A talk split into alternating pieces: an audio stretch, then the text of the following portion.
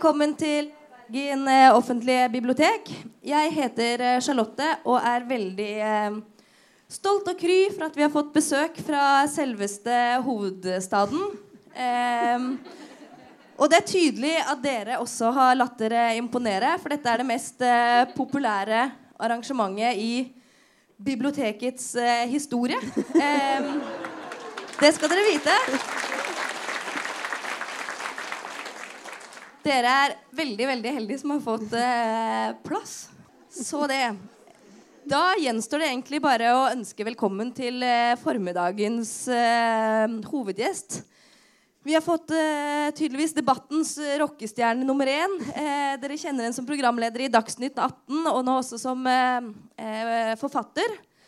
Hun har gått i selveste Berit eh, Aas sine fotspor og eh, undersøkt hva eh, hersketeknikker gjør med oss, og har gitt ut boka 'Hersketeknikker nyttige og nådeløse'.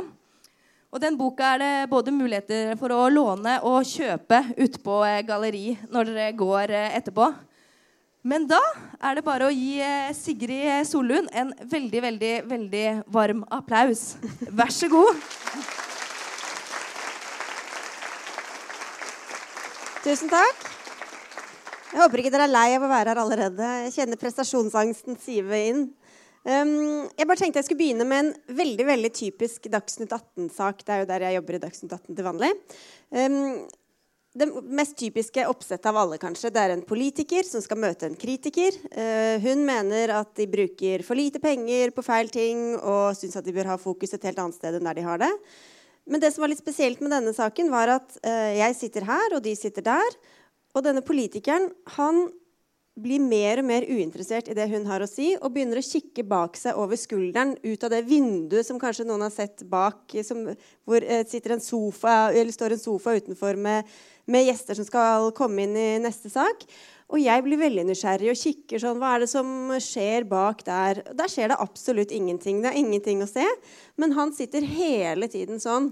Og det som skjer med henne, er at hun blir spakere og spakere. Og kritikken uh, blir etter hvert gjort om til en uh, rosende omtale av uh, partiets politikk. alt er flott og fint av det som skjer der. Og jeg kjenner ubehaget ved at han ikke ser på meg og ikke ser på henne. Og dette var bare en av de historiene som dukka opp i minnet mitt da jeg begynte å skrive og tenke på dette temaet hersketeknikker. mange andre også kom, både fra meg selv og ikke minst alle jeg snakka med. For dette er jo et tema som angår veldig mange. Vi driver med det alle sammen, og vi blir utsatt for det alle sammen. Alt er ikke like alvorlig, men det kan være det. Det kan i hvert fall være fryktelig ubehagelig. Så er det jo mange som kjenner de klassiske hersketeknikkene som Berit Aas eh, definerte på slutten av 70-tallet. Latterliggjøring, usynliggjøring, dobbeltstraffen, påføring av skyld og skam, tilbakeholdelse av informasjon. Og alt dette er jo fortsatt like relevant. Men det er litt som har endra seg i samfunnet, og det går mye på maktstrukturer og likestilling. Eh, det er ikke alltid sånn at det er mannen som har makten, eller en gruppe med menn som har makt over en kvinne eller en gruppe kvinner. Det er heldigvis blitt litt mer likestilt. Det er også blitt mer individualisert. Det er, ikke alltid sånn lett å peke på hvem som har makten i enhver situasjon, eller at det er de samme menneskene som har makt i enhver situasjon. For vi har jo også mange typer makt. Det er jo politisk makt og økonomisk makt og strukturell makt og definisjonsmakt og emosjonell makt og seksuell makt og det ene med det andre. Sånn at det maktforholdet kan jo endre seg ganske mye fra situasjon til situasjon. Hersketeknikker, bare for å dra en liten slags definisjonsprøve uh, på det. Det er jo altså noe som blir gjort eller, eller sagt fra en eller en gruppe til en annen, som gjør at den, den som driver med det, får et overtak på bekostning av den andre, gjerne på en litt skjult måte som er vanskelig å peke på der og da, og som er ubehagelig å ta opp, og kanskje også ikke lett å se i situasjonen. Men når vi ligger hjemme om kvelden og tenker sånn Hva var det som skjedde? Ah, der skulle jeg gjort det, eller der skulle jeg sagt det. Og det kan skje bevisst, og det kan skje ubevisst. Så er det ikke alltid sånn at uh, disse hersketeknikkene fungerer like bra uh, hvis man driver med dem veldig åpenlyst. Um, vi kan få et lite eksempel her uh, fra Dagsnytt 18 um, med en skal vi kalle det en slags klassisk hersketeknikk fra en litt eldre mann og mot noen litt yngre. Ikke så veldig mye yngre, men litt yngre. Kjenner dere han? Ekstremt nøye. Det er mye mer nøye enn i Norge. I tell you, altså. Og jeg, du var ni år når jeg begynte i denne businessen, og og du var ikke født engang. Jeg har holdt på med dette siden 1974, jeg. Ja. Det, det var skipsreder Herbjørn Hansson, som uh, har en litt unorsk eh, måte å være på. Uh, og som ikke nølte med å fortelle om sin egen lange erfaring. Eh, siden eh, dette så fikk han jo tilsendt min bok. Vi hadde mye kontakt eh, i, etterkant. Eh, og bare, bare vennskapelig vis. Men han har da tydeligvis eh, lest litt også i denne boka. For da han var der for et par uker siden, så skal vi se hva som skjedde da han da møtte Aftenposten til debatt. Ikke om Paradise Papers denne gangen, men om Ja, hva var det det het igjen? Det er dårlig gjort, altså. Jeg, jeg vil ikke henge ut dere, men jeg sier dere er kunnskapsløse. Og du sier jo selv, du har aldri vært på Bermuda. Jeg var der første gang i 1980, jeg. Men jeg må ikke eh, bruke for høy stemme og se for sint ut, for da er det hersketeknikk. Det var det du skrev forrige gang. Ja, ja, ja, ja, ja. Men det som skjer her, er jo veldig sånn klassisk. Han peker på sin egen lange erfaring, på hva, hvor lenge han har vært i gamet, og hvor kort de andre har vært i gamet. Som jo er en eh, måte man veldig mange unge blir møtt med. Eh, jeg har gjort dette i 30 år. Jeg vet best, uten at det blir underbygget med noe særlig fakta. Men det er jo ikke sånn at det bare er menn som driver med dette. Vi gjør det alle sammen, stort sett. I hvert fall. Jeg kan innrømme at jeg gjør det. Eh, Det skjer noe gærent her hele tiden. Um, og så eh, eksemplifisert ved denne mannen. han ser jo veldig snill og hyggelig ut, her, og det er han også. Han, det er Geir Ramnefjell som er politisk redaktør i eh, Dagbladet. Og han er jo en moderne mann. Han er liberal, og han er for likestilling og mm, alt som eh, samfunnet ønsker seg. Han møtte også eh, i en debatt i Dagsnytt 18 eh, for, eh, hun som var lederen for Press, altså Redd Barnas ungdom, for eh, halvannet år siden, da de diskuterte Dagbladets kroppsfokus, hvor Dagbladet var nominert til eh, Gullbarbie, en pris som Press deler ut for å eh, være blant dem som får ungdom til å føle seg verst. Um, og her, det jeg skal vise nå, så uh, holder han et innlegg, og så avbryter hun, og så skal vi bare bite oss merke i hans uh, reaksjon da på hennes uh, avbrytelse. Nå er vi altså inne i de klassiske hersketeknikkene dere her. om feministiske problemstillinger, om likelønn, om styrerepresentasjon, om kvinner i næringslivet, eh, om likelønn. Dette her er noe som er veldig Dette her er ikke et feministproblem. Du blir veldig engasjert her. Jeg hører det. Nå blir du veldig engasjert her, jeg hører det. Og en som fikk høre det, det var Geir Andefjell. Han fikk så det svingte på Twitter og Facebook og i mailform og det ene med det andre. Eh, og da jeg kontakta ham i forbindelse med denne boka, så ble han helt sånn uh, Da jeg minnet ham på denne opplevelsen. For det var så litt sånn skjellsettende for ham, tror jeg også, at han uh, forklarte da at han så på seg selv som en moderne mann. En som, eller en som var um, ikke drev med så mye hersking, som ble hersa med like mye som han hersa med andre.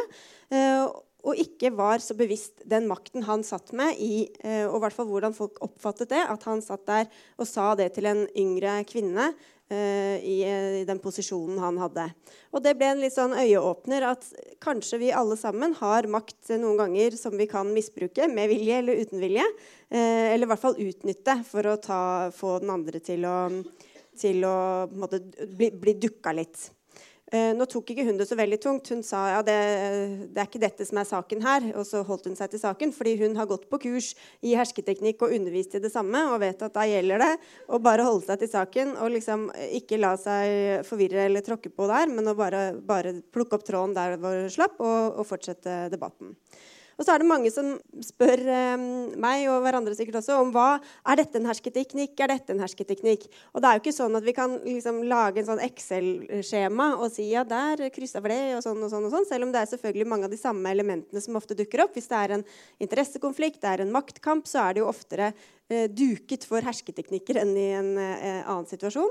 Og det virker også verre hvis det er en sjef selvfølgelig som gjør det overfor en ansatt, og så en som har en hvor maktforholdet åpenbart er skjevt fra før av. Men det er også veldig avhengig av eh, den som opplever det, og den som sender det, den, eh, og hvor godt det virker, om vi kan måte definere det hit eller dit. Men så er det ikke alltid sånn at hersketeknikkene er like lett å påpeke som det i hvert fall lyttere og seere gjør i disse tilfellene vi har sett nå. Ofte så handler det jo om å ta kontroll over, over virkelighetsdefinisjonen. Altså å, å, ta definisjonsmakten. Og det kan skje med litt sånne eh, ekle virkemidler eh, i form av hersketeknikker. Bare tenk på hvor viktig det er å, å være den som får definere hva som skjer. I politikken er det kjempeviktig. Eh, vi hadde jo et valg her hvor Arbeiderpartiet i etterkant sa at eh, velgerne trodde ikke på vår fortelling om Norge. Altså Det er fortellingen, det er ikke liksom sannheten. Sånn er det. Det er jo den fortellingen, og det er kjempeviktig i politikken. Å få være den som definerer problemet, fordi da kan du også være den som skisserer løsningene. Det er jo også kjempeviktig i eh, privatlivet. Noen havner jo i kjæresteforhold hvor den ene hele tiden er den som får definere virkeligheten. 'Du er sånn, og du er sånn, og alltid er du sånn, og det går ut ved meg.' Altså, til slutt så, så vet ikke engang om de kan, den som blir utsatt for det, hvis det er så systematisk. Og man kan i det hele tatt stole på sine egne vurderinger og oppfatninger. Så det kan være ganske destruktivt. Det er jo ofte sånn vi sier sånn du, Var det bare meg, eller var han litt sånn uhøflig nå? Vi er veldig avhengig hele tiden av å liksom få andres bekreftelse på at vi oppfatter eh, situasjonen eh, riktig. Eh, og da kan man jo bruke hersketeknikker for å, eh, for å utdefinere andre og utdefinere andres virkelighet. Nå har vi vært gjennom en kjempemassiv kampanje, metoo. Eh, husker dere denne 'Jeg har opplevd', som var litt av det samme, men bare et lite bølgeskvulp i forhold til den eh, kjempetsunamien vi har sett nå? Vi må si, Hvorfor må kvinner alltid ha noe å klage på? For en tid siden var det jeg har opplevd, nå er det metoo. Det kan dere tenke litt på. Hvorfor må vi alltid ha noe å klage på? Neida. Men det som er grunnen til at jeg viser den her, er fordi at um, når man tar opp ubehageligheter, som i dette tilfellet, eller som i metoo, så blir det gjerne ubehagelig. Og da er det gjerne sånn at andre føler seg utdefinert eller definert inn i en virkelighet de ikke kjenner seg i, uh, igjen i. Uh, forrige gang kom da Kjetil Rollnes, uh, samfunnsdebattant og sosiolog, er han vel, med denne. det var den forrige kampanjen, altså den jeg har opplevd. Alle hersketeknikkers mor. Eh, hvor han eh, opplevde da at eh, han ble satt i en rolle som mann som han ikke kjente seg igjen i. Noen kvinner fikk definere virkeligheten. det syntes han var ubehagelig. Og på den andre siden syntes de det da var ubehagelig at deres virkelighet ikke ble trodd eller definert ut. Sånn som vi har sett nå også i denne metoo-kampanjen. At andre sier sånn Nei, men det er vel ikke så farlig. det er ikke så farlig, Og sånn. Og da er det en måte at man, og samme med sånn rasisme runde som vi hadde for noen, eh, også eh, et år eller to siden, hvor noen kom med mange, eller var mange som kom med sånne hverdagsopplevelser. hvordan de opplevde den såkalte hverdagsrasismen. At de ble sagt, fortalt at du snakker jo så godt norsk, og hvor er du fra egentlig? Og sånn. Og så sier de andre da igjen ja, men er det ikke lov engang å spørre om det? Nå er vi veldig hårsåre her. Og sånn. Og så føler de da altså at begge på den andre siden igjen at skal de andre få lov å definere vår virkelighet? Og sånn baller det på seg og holder på igjen. Gjennom å sette andre i bås eller mistenkeliggjøre dem på en måte som de ikke kjenner seg igjen i. Og det er altså uh, En måte å kuppe virkeligheten på er da å legge premissene på en uh, måte som andre Eh, ikke synes eh, Hvor de, måte, andre føler seg fanget i en virkelighetsbeskrivelse. Eh, I boka mi så har jeg bl.a. et eksempel med Nils August Andresen fra Minerva, som beskriver hvordan han altså De er jo et konservativ tidsskrift, som beskriver hvordan han satt i en paneldebatt, og hvor en motdebattant innleder med Ja, du tilhører jo et system som, må svare for, eller som er ansvarlig for seks millioner dødsfall i året. Uh, og så fortsatte liksom argumentasjonen ut fra det.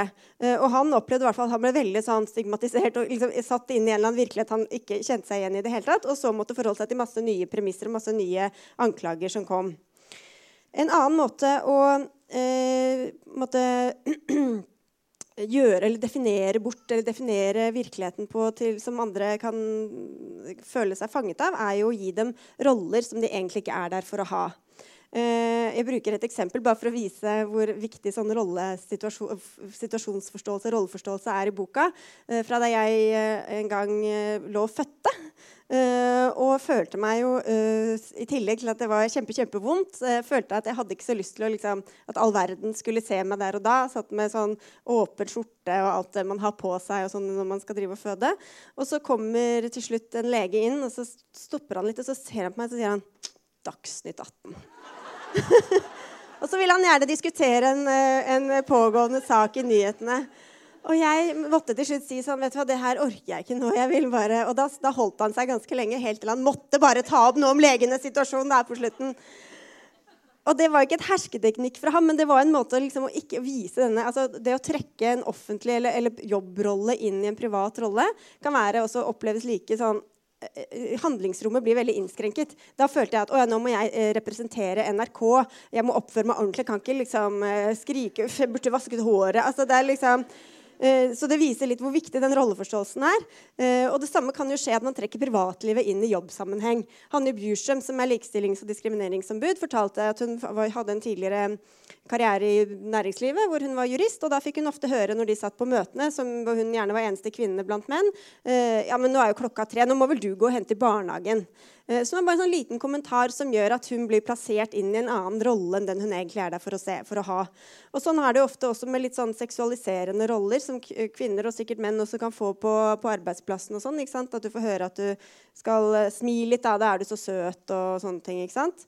Uh, vi hadde jo et eksempel her Jeg vegrer meg veldig for å gå inn i den debatten om Bergens næringsråd, kjenner jeg. Men kan jo likevel ta med et uh, eksempel fra Jette Christensen, Arbeiderpartipolitiker, som dere kjenner sikkert mange den, den opplevelsen hun delte. Men det som er poenget her, er jo bare hvordan hun Eh, følte da at hun ble satt inn i en annen fordi rolle. Jeg har lyst til å slippe å ta ja.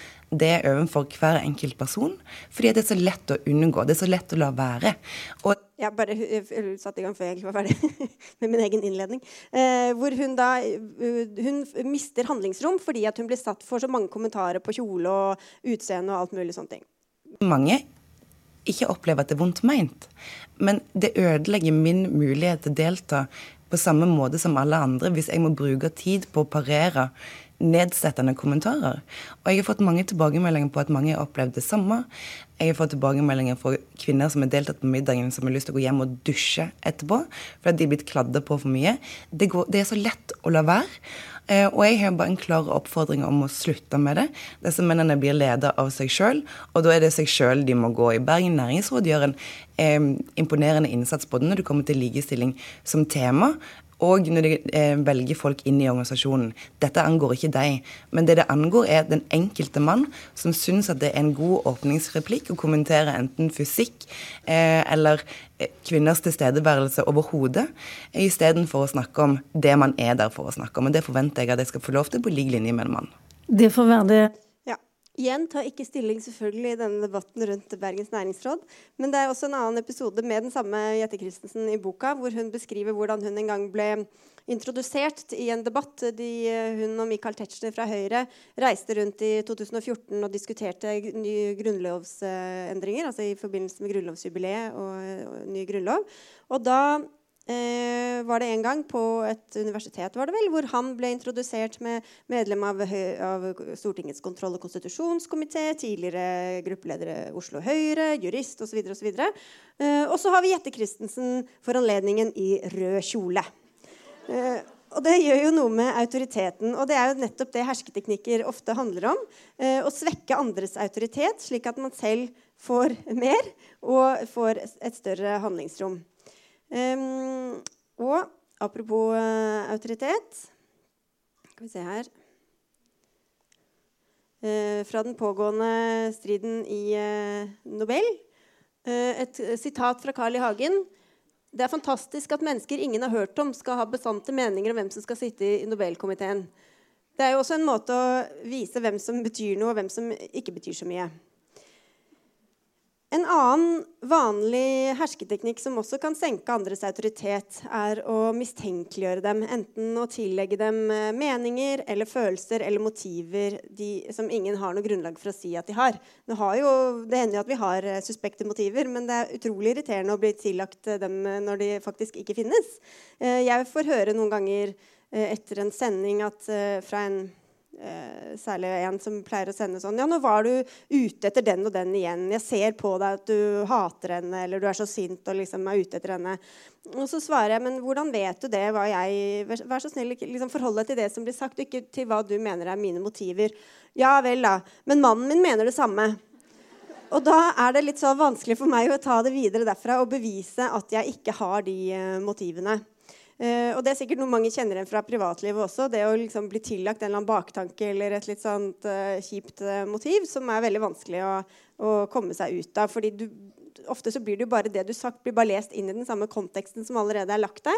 Så det blir bare, du bare bekrefter den teorien som allerede er uh, lansert. Og det å tillegge andre følelser er jo også vanlig i politikken. Um, vi kan se hva uh, Høyres uh, Hårek Elvenes sa til Anniken Huitfeldt i en uh, debatt. Um, jeg har mye eksempler fra studio, men det er fordi jeg filmer så lite rundt i privatlivet. Så vi får bare tenke oss at er, elementene er jo også til stede hos, i jobb- og privatlivssammenhengen hos mange av oss. Selv om ikke de kommer til uttrykk på akkurat samme vis på Stoltenberg, det sier kanskje litt om hvor flaue de er over denne planen. Elvenes til slutt. Ikke vær så sår, eh, fru Huitfeldt. Ja. Altså, du ser jo at hun, ser, hun blir ikke veldig sånn uh, satt ut og, og liksom undertrykket uh, av den kommentaren. Men uh, det er ofte sånn at man kan anklage andre for å være såre eller hårsåre eller misunnelige. og alt disse karakteristikkene som gjør at, at, det vi sier og gjør, blir da lest inn i den, i den sammenhengen. Uh, og nå er det sånn at uh, Anniken Huitfeldt er kanskje ikke så mye bedre selv. Uh, de færre av oss er jo det. skal vi se Spille av et lite, et lite klipp fra årets valgkamp, hvor hun møtte Børge Brende. Men, jo, men vi har jo hatt denne i Stortinget. Så, det er det som er ditt problem, er at vi er enige om det meste. Og blir du litt kritisert, så blir du fornærmet, du er skuffet, du er såra. Arbeiderpartiet ikke står ved viktige områder. Må kunne du tillegge han masse følelser jo. han ikke nødvendigvis har, da. Men, men, jo, men det som er poenget Det er en hersketeknikk, er det ikke det? Nei, jeg, jeg tar det veldig lett. Hersketeknikk. Vi må jo også selvfølgelig si at det kan jo være en hersketeknikk å beskylde andre for hersketeknikker, men akkurat her var det kanskje tilfellet. Og det er jo mange som også beskriver dette fra lokalpolitikken, hvor uh, særlig kvinner får høre også sånn Hvorfor er du så sint? Ikke vær så sint. Altså, liksom, det verste man kan være som kvinne, er jo ofte å være sint eller sur. Da, det, da blir liksom alt du sier, devaluert med det samme. Det går faktisk også an å være sint og ha en berettiget mening. Jeg må bare nevne det.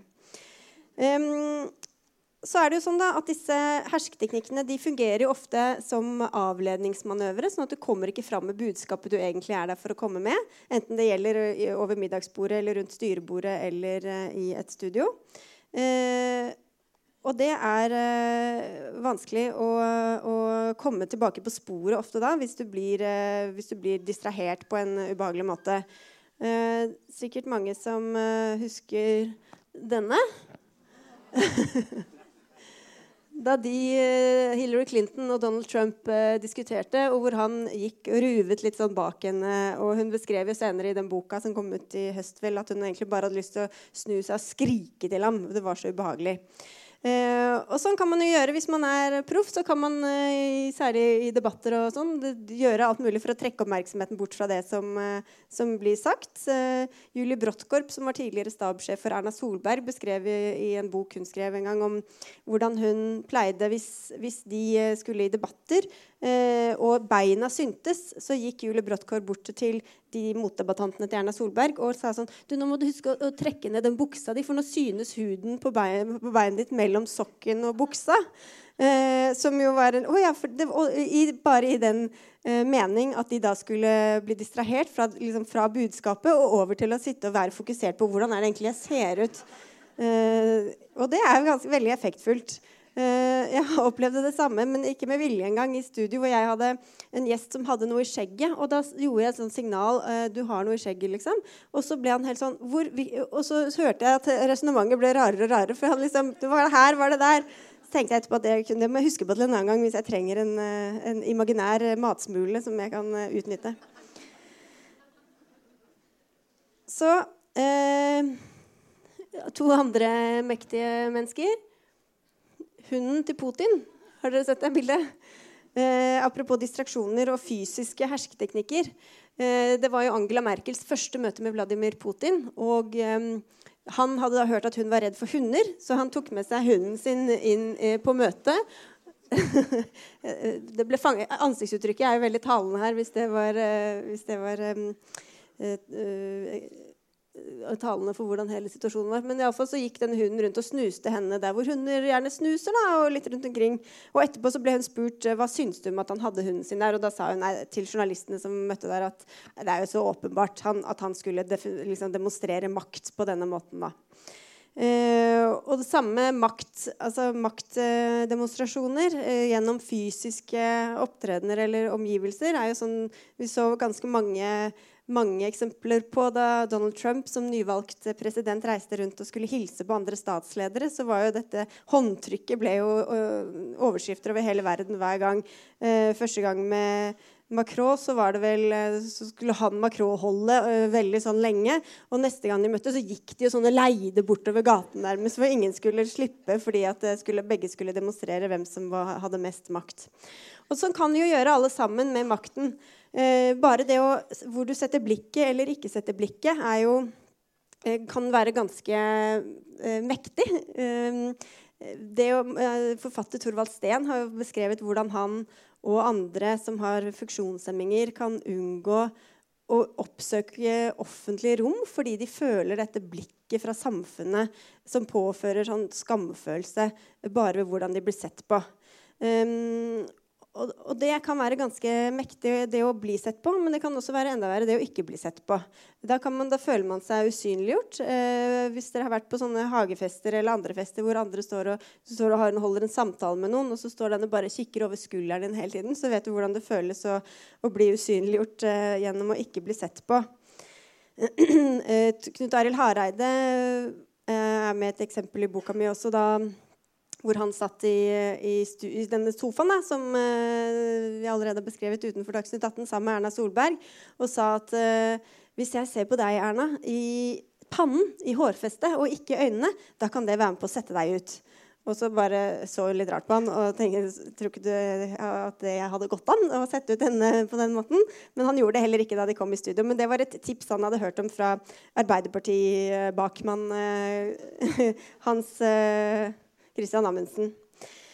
Og sånn er det jo, Vi kan bruke kroppen eh, og, ansikt og blikk og sånn til å herske med. ikke sant? Gjennom Hvis du sitter og bare liksom, med telefonen eller med PC-en mens andre holder et innlegg eller, eller, prøver å si noe på møtet, så er det et ganske tydelig signal om at det du sier, er ikke verdt å lytte til 100 eh, kan også bruke ord, selvfølgelig, eh, til, å, til, å, sette ut andre. Til å gjøre dem usikre. Eh, gjerne gjennom sånne tvetydige beskjeder. Det var en som eh, beskrev i boka mi hvordan hun fikk en eh, melding fra en kvinnelig kollega etter at hun hadde holdt et innlegg, hvor hun skrev eh, Så flink du var. Du er visst ikke så blond som noen kanskje tror. Og det er sånn som uh, Hva skal man svare på det? Takk? Eller det er liksom pakker fornærmelsene inn i noe som er tilsynelatende vennlig. Eller den derre 'Hvordan har du det egentlig?' Så føler du deg kjempefin, men uh, bare et sånn liten liksom-omsorg kan gjøre at du, at du skjønner at her, du ser ikke helt bra ut den dagen. Og apropos språk, et nylig eksempel fra Haugesunds Avis. og da er vi inne på den tradisjonelle kjønns Eh, kjønnselementet her. Eh, om, eh, om, en bokfestival som hadde kjente forfatterfjes som Dag Solstad, Jan Kjærstad og Lars Saabye Christensen, og en del kvinnelige forfattere som Cecilie Enger og Erika Fatland. Det skal ikke så mye til for å vise hvem som er noen, og hvem som på en måte er litt sånn ved siden av. Og det er jo nettopp dette med kjønnene Han beklaget veldig, han journalisten, for det ble jo slått opp og, og fikk masse oppmerksomhet i sosiale medier og sånn. Men uh, disse kjønnsaspektet, som er det vi forbinder ofte med, med, hersketeknikker Og det er jo ikke sånn at det er borte selv om, selv om vi heldigvis har fått mer uh, likestilling i samfunnet. Det er kanskje ikke sånn fortsatt som den, noen av de eksemplene uh, jeg beskriver i boka, hvor uh, bl.a. en fra Aftenposten fra kanskje 40 år tilbake, hvor sjefredaktøren kom innom jobb en dag og så nedover desken hvor det satt både kvinner og menn. hilste fornøyd og gikk inn til nyhetssjefen og sier ja, det er jo moro med jenter på jobb, men hva gjør vi hvis det skjer noe? Og det er en sånn kommentar som, eh, som den, liksom, den tilfløt jo hele resten og ble ledd av, av de på desken. Men det, men det, sier jo også noe om hele tiden å måtte være i sitt eget kjønn. Um, et annet eksempel i boka er fra litt, litt, nyere dato, fra bare 20 år tilbake. Og det er noen kolleger av meg fra NRK som satt um, tre kvinnelige journalister som satt i et, eh, i et kontor vi har på Stortinget, hvor det kom og satt der og jobbet. Og så kommer det en gammel sånn NRK-nestor inn, eh, åpner døra, ser på dem, ser seg rundt i rommet, og så sier han Å nei, så det er ingen her? Og så lukker han igjen døren og går. Og det eh, har vi forhåpentlig kommet et stykke unna det, at ikke vi holder på sånn lenger. Men det er jo ikke sånn at disse strukturelle kjønnsdimensjonene ikke fins lenger.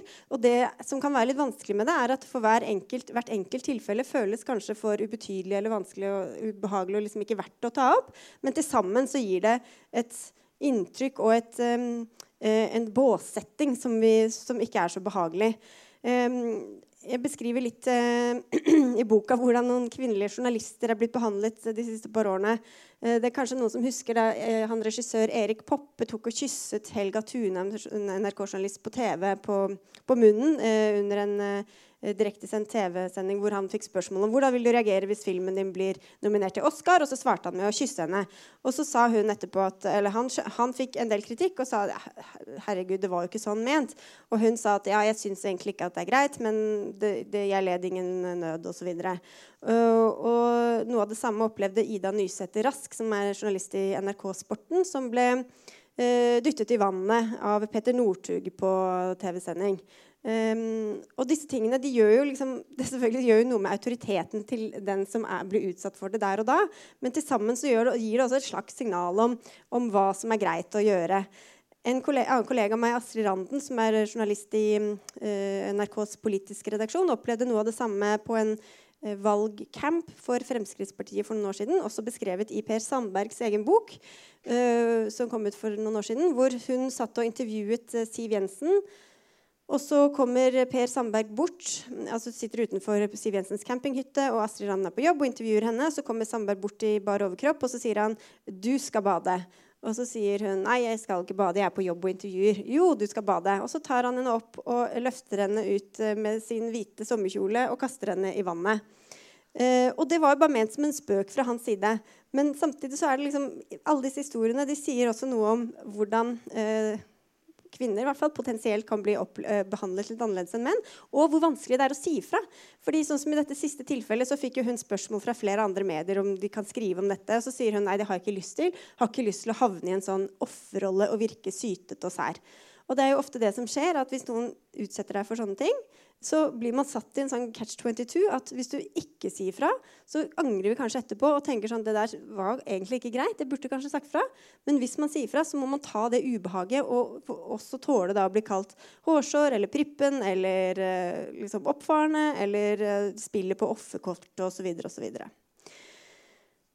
Så, er det jo sånn at øh, kvinner også heldig, altså, Jeg bare skal nevne et eksempel til på Eh, på dette med autoritet og kvinner. Eh, en, en, kirurg som jeg eh, beskriver i boka, som er en, en, dame, som opplever også noe av det samme hvor hun må, når hun tar telefonen og er på vakt, så spør den som er i den andre enden av telefonen sånn ja, men la meg få snakke med, Jeg må trenger å snakke med legen. Ja, men det er jeg som er legen. Ja, men jeg må snakke med den ordentlige legen. Uh, og det er heldigvis litt utdøende, fordi nå er det så mange damer inn i veldig mange roller. Men der hvor det er få av ett kjønn, så er det litt typisk at man må liksom tilkjempe seg den autoriteten.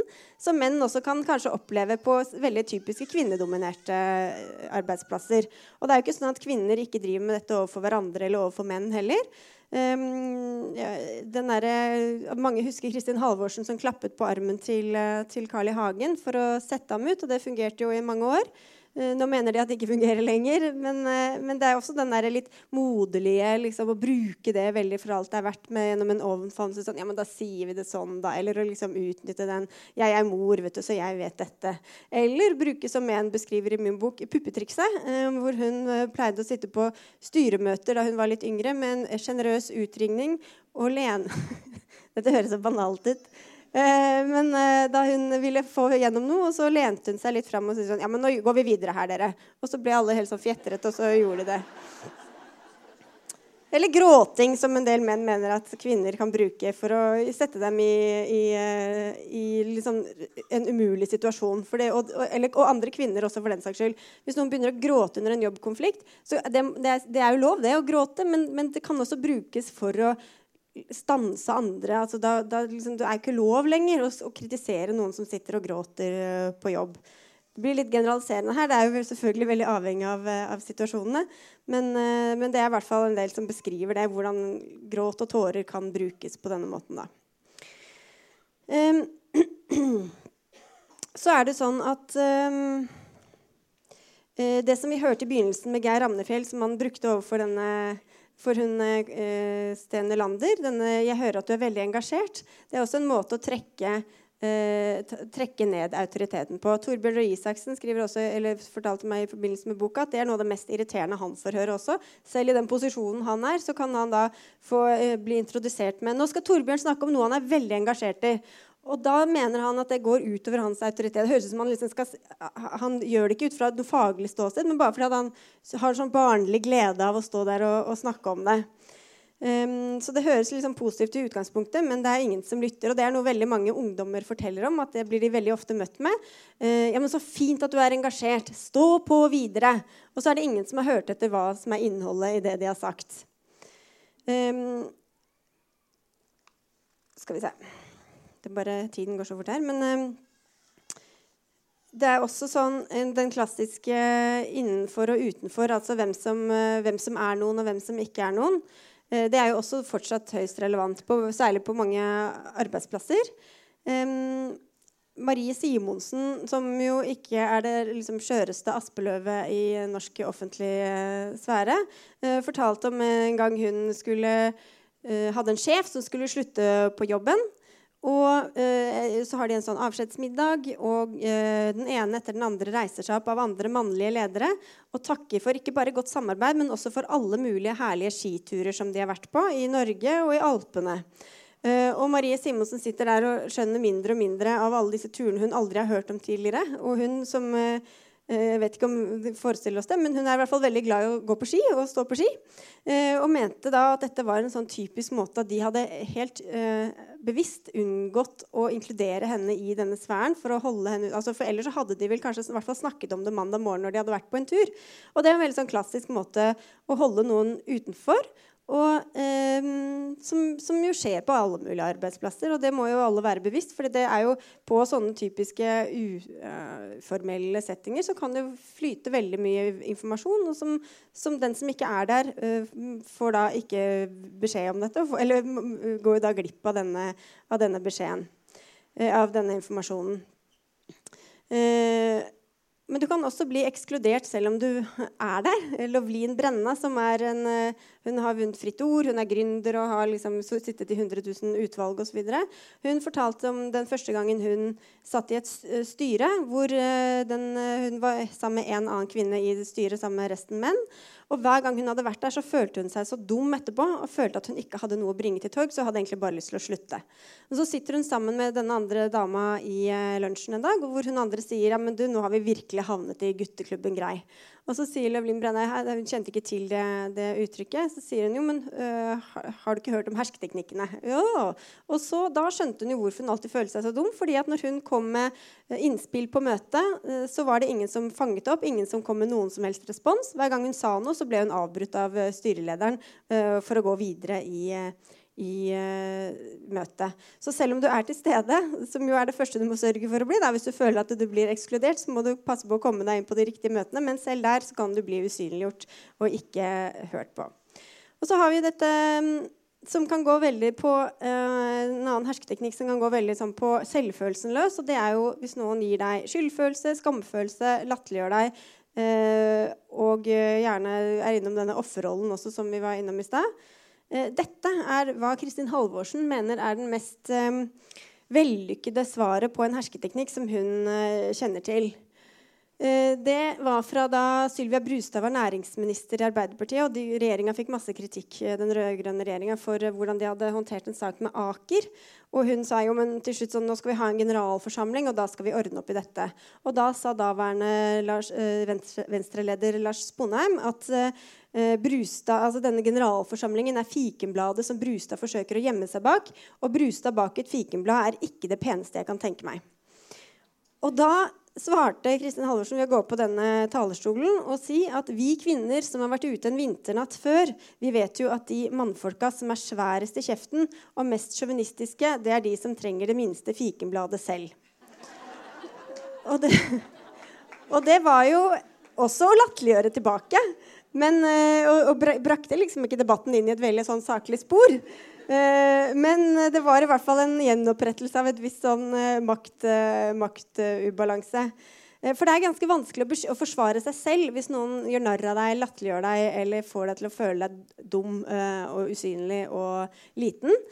Så da kan det være veldig lurt at andre uh, tar den kampen for deg. Fordi det, det kan gå så veldig på, på selvfølelsen løs hvis noen, uh, hvis noen uh, gjør narr av deg, særlig selvfølgelig foran andre, eller påfører deg skamfølelse.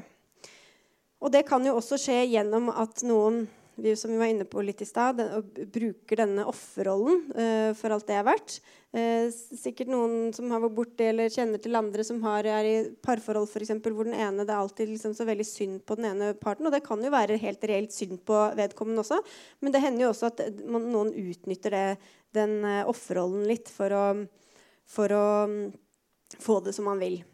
dessverre. Uh, en annen måte å gjøre det på er jo også å sette andre i en, en uønsket takknemlighetsgjeld. Eh, gjennom å liksom gi deg et eller annet du egentlig ikke ønsker deg, og så etterpå så skal de innkassere alt mulig bare fordi du har fått dette, denne ene lille greia som, eh, som, sett, som gjør noe med den liksom, maktbalansen. Eh, han som er leder av Yngre legers forening, Christer Mjåseth, sier i boka mi om hvordan i sånne lønnsforhandlinger skal så lite til før liksom noe vipper en sånn liten maktbalanse eller sånn takknemlighetsbalanse. Bare hvis du har en pause, og så er det noen som gir deg en gratis kopp kaffe i pausen, så liksom gjør det noe med hodet. sånn Når du kommer tilbake, så blir du kanskje litt vennligere stemt og gir noe du egentlig ikke hadde tenkt uh, å, å, gi. Så nå har vi holdt på nesten tre kvarter. Hva skal vi gjøre når vi blir utsatt for hersketeknikker? Det viktigste er jo bare å, å være bevisst at de kan dukke opp. Og særlig i situasjoner hvor det er uh, potensiell konflikt, og hvor det er et, uh, en maktubalanse eller en maktkamp. Og klare å analysere situasjonen, sånn at vi ikke alltid føler at det er meg det er meg det er noe, noe, galt med, det er jeg som er liten, det er jeg som er dum, eller som ikke skjønner det. Og så hender det, og så kan man da velge å liksom bare la det fare. For hvis ikke de virker, så virker de jo ikke. Eller du kan bare komme med en liten kommentar som viser at hei, jeg ser hva som skjer. Jeg, eh, spennende at du syns at jeg er så artig på håret, men det er vel ikke det det handler om nå. Eh, eller som i Kristin Halvorsens tilfelle, noen ganger speile det også. Eh, hvis det er det som må til for å gjenopprette maktbalansen. Men jeg vil jo ikke oppfordre til at man skal gå rundt og drive med liksom, en ene hersketeknikken skal ta den andre. Det er jo ikke en veldig farbar uh, vei å gå. Eh, men så er det jo også sånn at to mennesker, eller mange mennesker kan jo opp, oppfatte situasjonen veldig forskjellig. Det ble litt eh, eksemplifisert i denne 'Da vi styrte landet'-serien som NRK sendte nå, eller sender nå i høst. Som var det vel siste episode nå sist. Eh, hvor eh, det var Kåre Willoch som satt og snakket om eh, hvordan han var blitt beskyldt for å være nedlatende overfor Gro Harlem Brundtland da hun var ny i politikken. og mente at han ikke kjente seg igjen i dette i det hele tatt. om at han skulle hisse Jeg har sett sånne alminnelige kommentarer. F.eks. at jeg skulle ta sikte på å opphisse noen. Fullstendig uriktig. Hvis noen ble forarget, så var det fordi Jeg vet ikke av noe annet det at jeg skulle ønske at noen ble sint, det stemmer ikke. Jeg vet ikke om det var bevisst, Kåre, men jeg husker du drev og sa uh, 'fru Brundtland'. Uh, jo, og det, og det, det, er ikke ja. noe galt nødvendigvis å si det, men hadde du sagt her, sa du herr Bratteli og herr Nei, men altså, nå huske på, Jeg er kanskje litt grann eldre enn deg. Ja. Hele den tid jeg vokste opp og begynte i politikk, så var det en selvfølge ja. at man sa fru osv. Jeg var gift med Arne Olav. Og han heter da Brundtland til etternavn. Jeg var Gro Harlem Brundtland. Ja. Og jeg var ikke fru Brundtland, som du sa den gangen. Men, det, det, men du forklarer nå at du er 11-12 år eldre enn meg. Ja. Og at det kan medføre at det du syns var naturlig, det følte jeg var unaturlig. Hvis jeg, hvis, jeg, i begynnelsen ja. av min politiske karriere hadde droppet tittelen frue, så hadde det vært forargelsesvekkende. Ja. Men det var jo hyggelig at vi fikk oppklart dette under denne middagen, da. Jeg kom fredsmegleren inn der på slutten. Men det det viser jo er jo litt sånn at det er jo noen som oppfatter en situasjon helt annerledes, eller i hvert fall sier at de oppfattet det. Så kan man jo lure på om han aldri fikk, eh, ble hvisket i øret at dette kunne virke litt irriterende på politiske motstandere. Men det er jo vanskelig å bevise det også, selvfølgelig. Eh, og at noen ganger så er det man kan si at man ikke driver med hersketeknikker. Det betyr ikke at man ikke gjør det. Eh, men at noen ganger så er det kanskje også lurt å bare eh, ikke alltid heller tillegge andre de verste motiver. Altså Hvis vi klarer å gjøre oss selv litt rausere, så blir vi heller ikke så innstilt på hevn og får lyst til å drive med hersketeknikker tilbake. Det kan være lettere å styre vår egen reaksjon enn den andre, men noen ganger så er det jo rett og slett nødvendig å ta det opp. Og da er det ikke alltid så lurt å si 'nå driver du med hersketeknikk', men det kan være lurt å peke på det som skjer. 'Nå tillegger du meg meninger jeg ikke har', eller 'nå syns jeg du oppførte deg på en måte mot meg som var noe som var nedlatende', eller 'jeg trenger å være på det møtet hvis jeg skal, på, hvis jeg skal klare å gjøre jobben min ordentlig'. Altså ta det konkrete, for da er, da er det ofte bare det å få det synliggjort kan enten være hvis det skjer ubevisst fra den andre, være som en vekker som, som justerer eh, da, den uh, andres oppførsel. Eh, eller i hvert fall gjøre det vanskeligere å fortsette med det fordi at det da er eh, synlig og, og sagt høyt. Og så kan man jo alltid gjøre så mye Willoch og si at det er helt uhyrlig å påstå at man driver med noe sånt nå, hvis man driver med det selv. Men jeg vet ikke om det er andre enn han som kommer unna med det. Men det kan jo være verdt et forsøk. Yes, Tusen tusen takk til dere som kom, og tusen takk til Sigrid Solund. Det var veldig veldig kjekt å høre på.